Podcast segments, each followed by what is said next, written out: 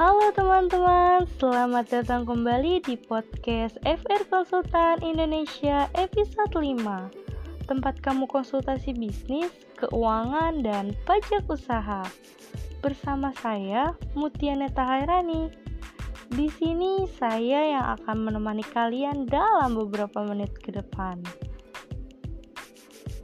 Sekarang saya ingin membahas tentang menentukan nama toko online yang bagus dan eye-catching yang mungkin bisa memudahkan kamu dalam upaya memulai usaha menggunakan sosial media.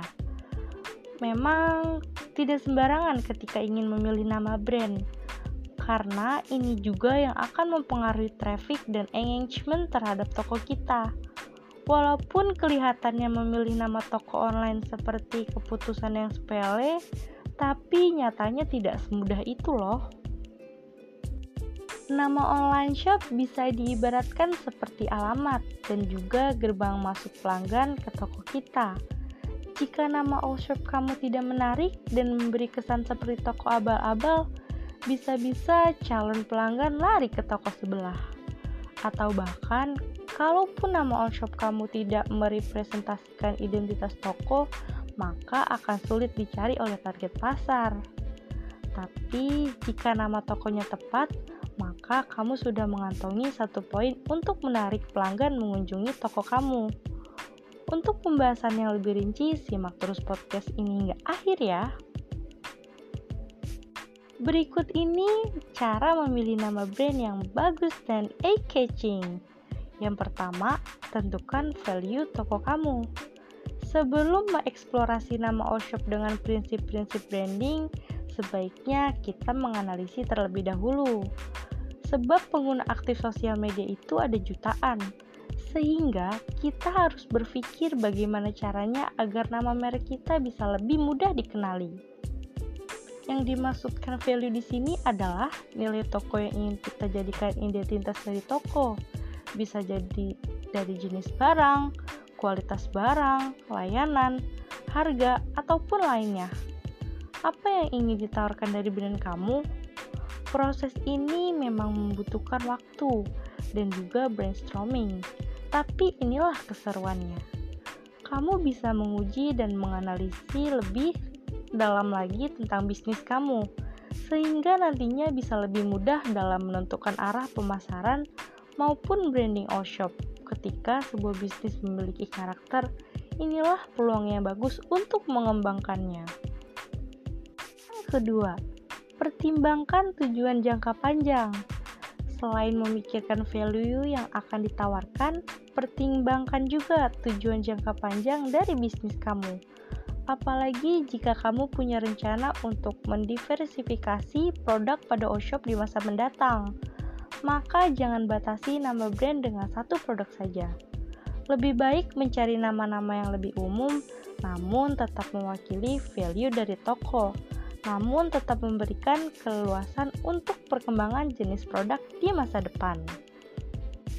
Yang ketiga, membuat list nama-nama all shop yang unik dan original. Banyak sekali yang coba ikut-ikutan nama brand orang lain, tapi sebaiknya kamu tidak memilih cara ini ya, apalagi jika brand yang kamu pilih sudah kuat. Sebab membuat brand yang mirip atau bahkan sama dengan brand-brand tersebut tidak akan meningkatkan brand awareness kamu. Yang ada malah membuat brand besar bertambah kuat dan brand kamu dianggap punya kualitas yang lebih rendah.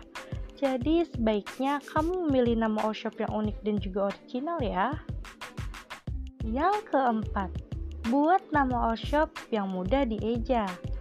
Pengejaan nama toko juga tidak kalah penting loh dalam proses branding. Jika nama toko susah dibaca, tentu saja audiens akan sulit mengenali brand kamu. Tidak perlu berpatokan dengan bahasa Indonesia, kamu juga bisa menggunakan bahasa asing loh, dengan catatan tidak menyulitkan audiens dalam membacanya. Kemudahan mengeja ini juga akan menguntungkan dari segi marketing. Orang lain akan mudah menyebutkan nama toko kamu ketika ingin merekomendasikan tanpa salah penyebutan. Selain itu, tentunya akan memudahkan dalam pencarian, sehingga bisa mendatangkan pelanggan baru. Yang kelima, cek nama all shop di berbagai platform sosial media. Dalam membangun sebuah brand, kamu pun perlu konsisten juga dalam hal penggunaan nama toko kamu nantinya. Maka dari itu, jika sudah mulai menemukan ide untuk nama all shop, jangan lupa cek nama all shop tersebut di berbagai platform ya.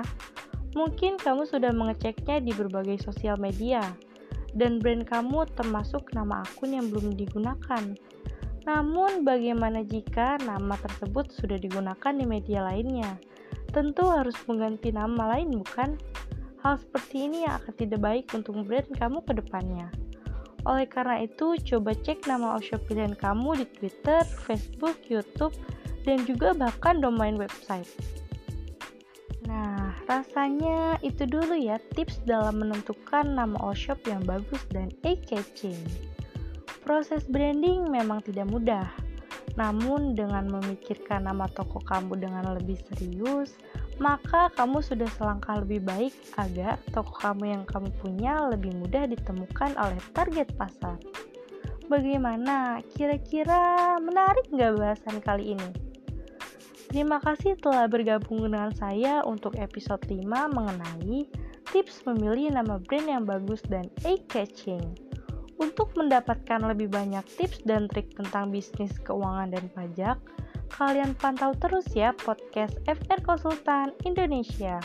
Dan tunggu update-nya di Instagram at FR Konsultan Indonesia. Oh iya, kalian juga bisa konsultasi gratis loh selama 20 menit pertama dengan menghubungi nomor 0813 8228 9991 atau mengunjungi website kami di frkonsultanindonesia.com.